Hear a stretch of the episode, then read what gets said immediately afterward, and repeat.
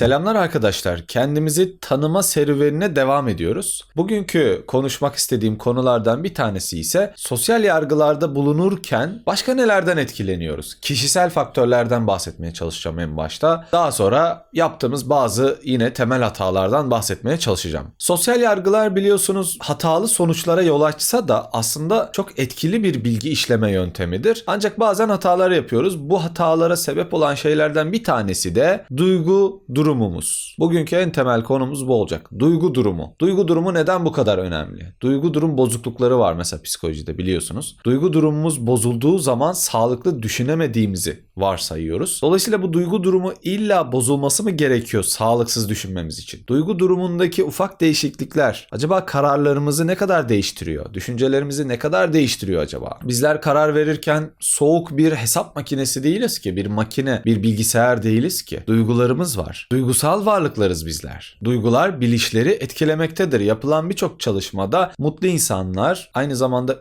üzüntülü anlarıyla karşılaştırılarak duygu durumun insanların kararları üzerinde ne kadar etkisi olup olmadığını anlamaya çalıştı bilim insanları ve inanamayacağınız kadar farklılıklar tespit ettiler. Mutsuz insanlar içinde bulunduğunuz duygu durum bir yakınınızı kaybetmiş olabilirsiniz. Kötü bir olay yaşadınız. Sabah bir trafik kazası geçirmek üzereydiniz. Dolayısıyla gününüz mutsuz geçiyor, olumsuz geçiyor. Bunların hepsi sizin gelecekte vereceğiniz kararları ve daha karamsar olup olmamanızı etkiliyor. Yani siz sabah yaşadığınız bir olaydan dolayı gün boyu karamsar düşünebiliyorsunuz. Ya da bir yakınınızı kaybettiniz. Daha major, daha büyük bir olay yaşadınız olumsuz anlamda. Bu sizin geleceğinize dair var olan hayallerinizi, düşüncelerinizi karamsar bir noktaya taşıyabiliyor. Ya da mutlu insanlar neşelidirler. Mutlu bir olay yaşamışsınızdır ve bütün gününüzü etkilemiştir bu. Bir iltifat almışsınızdır mesela. Ya da daha büyük bir olay yaşadınız. Bir terfi aldınız ve iş yerinizde daha önemli bir noktaya geldiniz. Maaşınız arttı falan. İster istemez sizi mutlu etti bu durum ve geleceğe bakış açınızı değiştirdi. Bırakın geleceğe bakış açısını yapılan bir çalışmada şu görülüyor. Mutlu olan insanlara sorulan sorularda örneğin arabanız ne kadar iyi çalışıyor? Televizyonunuz ne kadar iyi çalışıyor?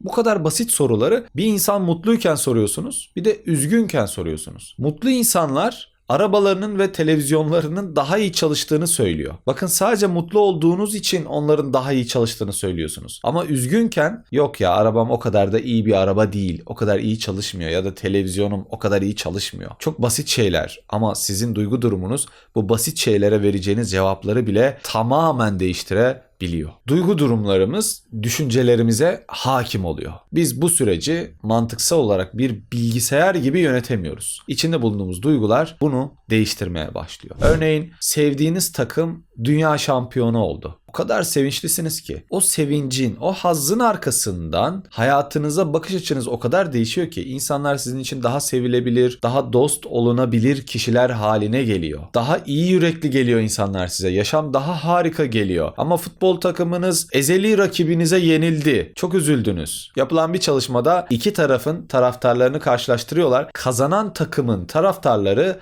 daima daha az şiddet gösteriyor. Kaybedenler daima daha öfkeli, daha şiddet yanlısı olmaya meyilli hale geliyor. Sadece bakış açınızı da değil bakın. Hafızanızı da etkiliyor. İyi bir ruh halindeyken sizler iyi olayları daha çok hatırlıyorsunuz. Ancak karamsar bir haldeyken yaşadığınız kötü anıları daha çok hatırlamaya başlıyorsunuz. Duygu durumunuz bozulduğu zaman, olumsuz bir noktaya geldiği zaman adeta taktığımız gözlüğü değiştiriyoruz. Pembe gözlükler varken çıkarıp siyah bir gözlük takıyoruz. Hayata daha karamsar bakmaya başlıyoruz. Ağzımız acıyken yediğimiz her şeye acı demeye başlıyoruz. Ağzımız tatlıyken yediğimiz her şeye tatlı demeye başlıyoruz gibi. Olumsuz durumdayken geleceğe yönelik umutlarımız sönükleşmeye başlar. Sadece bunlar da değil yine. Kendimize bakış açımız da değişir. Çok mutluyken kendimizi daha yakışıklı, daha güzel görüyoruz. Üzgünken, karamsarken kendimizi daha çirkin ve daha az sevilesi olarak görüyoruz. Daha değersiz görebiliyoruz. Bunlar da yine bizim duygu durumlarımızla alakalı. Bakın ufak bir duygunun değişimi bile bütün düşüncelerimizi, etiketlemelerimizi,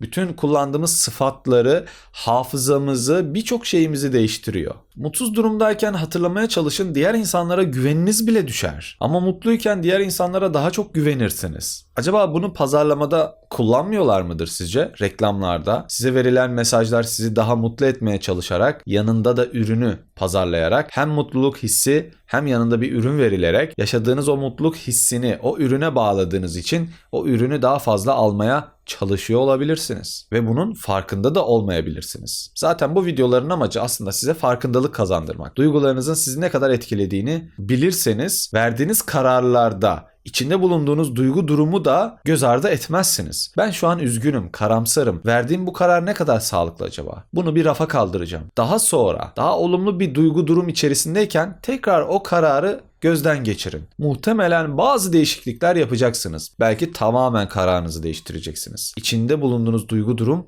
kararlarınızı siz farkında olmadan değiştirebiliyor. Forgas ve meslektaşları 1984 yılında bir deney gerçekleştirmeye çalıştılar. Hipnoz yoluyla insanları mutlu etmeye ve üzmeye çalıştılar. Yani daha olumsuz bir duygu durum içerisine sokmaya çalıştılar. İki grup insanı bir araya toplayıp bir kısmını dediğim gibi mutlu etmeye, bir kısmını üzmeye çalıştılar hipnoz yöntemiyle. Duygu durumları sabitleştikten sonra katılımcıların bir gün önce kaydedilen görüntüleri izletildi insanlara. Yani beni hipnoza sokmadan önce bilim insanları bir görüntü kaydı alıyorlar benden. Bir konuşma yapıyorum. Daha sonra hipnoz yoluyla beni daha olumsuz ya da olumlu bir noktaya taşıyorlar. Sonra benim bu kaydımı bana izletiyorlar. Bu kaydımı değerlendirmemi istiyorlar. Üzgün halde olan insanlar konuşurken tıkandığını, doğru konuşamadığını, kendini iyi ifade edemediğini söylerken Mutlu olan insanlar sosyal, becerikli, kendini iyi ifade eden bir şekilde değerlendirdiler bu kayıtları. Yani duygu durumunuz kendi kendinizi değerlendirmenizi de ciddi anlamda etkilemişti. Bir önceki gün kaydınızdaki konuşmaları değerlendirirken bile iyi taraflarınızı ya da kötü taraflarınızı görmenize neden oldu. Dolayısıyla kendimizi değerlendirirken bile içinde bulunduğumuz duygu durumu göz ardı etmezsek bu durum sanki daha sağlıklı olacaktır. Öz saygımızı yitirebileceğimiz bir noktaya gelebilir olumsuz duygu durumlardan dolayı. Kendimizi değerlendirirken daha mutlu bir anımızda değerlendirmeyi seçebiliriz. Neden daha kötü karamsar bir haldeyken kendimizi değerlendirelim ki? O gün kendimize bir not vermeyelim mesela. O gün etiketlemeyelim kendimizi. Ama hayat içerisinde yaşadığımız bu duygu durumların farkında olmadığımız için kendimizi sürekli değerlendiririz. Ya ben aslında yakışıklı bir adamım. Yok ya yakışıklı değilim ya. Ya aslında güzel bir kadınım ben. Aslında fiziğim falan da iyi. Ama şöyle olsaydı daha iyi olur diye bu kararlarınızın değişmesinin sebebi bu duygu durumları olabilir. O gün güzel bir şey yaşamışsınızdır, bir iltifat almışsınızdır ve etiketleriniz, değerlendirmeleriniz baştan sona değişmiş olabilir. Bir diğer önemli nokta arkadaşlar, içinde bulunduğumuz duygu durum aklımıza o duyguyla ilgili geçmiş deneyimlerimizi, geçmiş yaşantılarımızı hatırlatıyor. Mesela üzgünseniz o an, üzüldüğünüz olayları daha sık hatırlayabildiğiniz için o an dünyaya bakış açınızı ve yargılayışınızı değiştiriyor, etkiliyor bu durum. Duygu durumumuzdaki duygu duygu oranı ne kadar yüksekse o kadar hızlı karar veriyoruz. Mesela çok üzgün, çok karamsarsak ayrıntılı düşünmeden hemen reddedebiliyoruz bir teklifi mesela. Daha fazla kalıp yargılar kullanmaya başlıyoruz. Ama çok mutluyuz mesela bir iş görüşmesine girdik ve işvereniz biz. Gelen kişiyi işe kabul etme oranımız yükseliyor. Bu bizim duygu durumumuzla alakalı. Ama çok karamsar, çok kötü bir gün geçirdiysek mesela, o gün olumsuz bir duygu durum içerisindeysek, karşımızdaki kişi ne kadar yetenekli olursa olsun onun da olumsuz noktalarını görmeye başlıyoruz. Ve kısa yoldan karar verip hayır bu kişi işe girmemeli diye karar almaya başlıyoruz. Ayrıntılı düşünemiyoruz. Dolayısıyla duygularımız olumlu ya da olumsuz olsun yüksek düzeyde hissettiğimiz anlarda kararlarımız da hızlı oluyor. Bazen pozitif kararlar, bazen negatif kararlar veriyoruz ama bu aslında mantıklı verilen kararlar olmuyor ve bize bir şekilde zararı dokunabiliyor. Duygu durumlarla alakalı söyleyebileceklerim özet olarak bu şekilde. Hepiniz hayatlarınızda çok önemli kararlar veriyorsunuz. Çok önemli dönüm noktalarından geçiyorsunuz ve bu noktalarda verdiğiniz karar kararları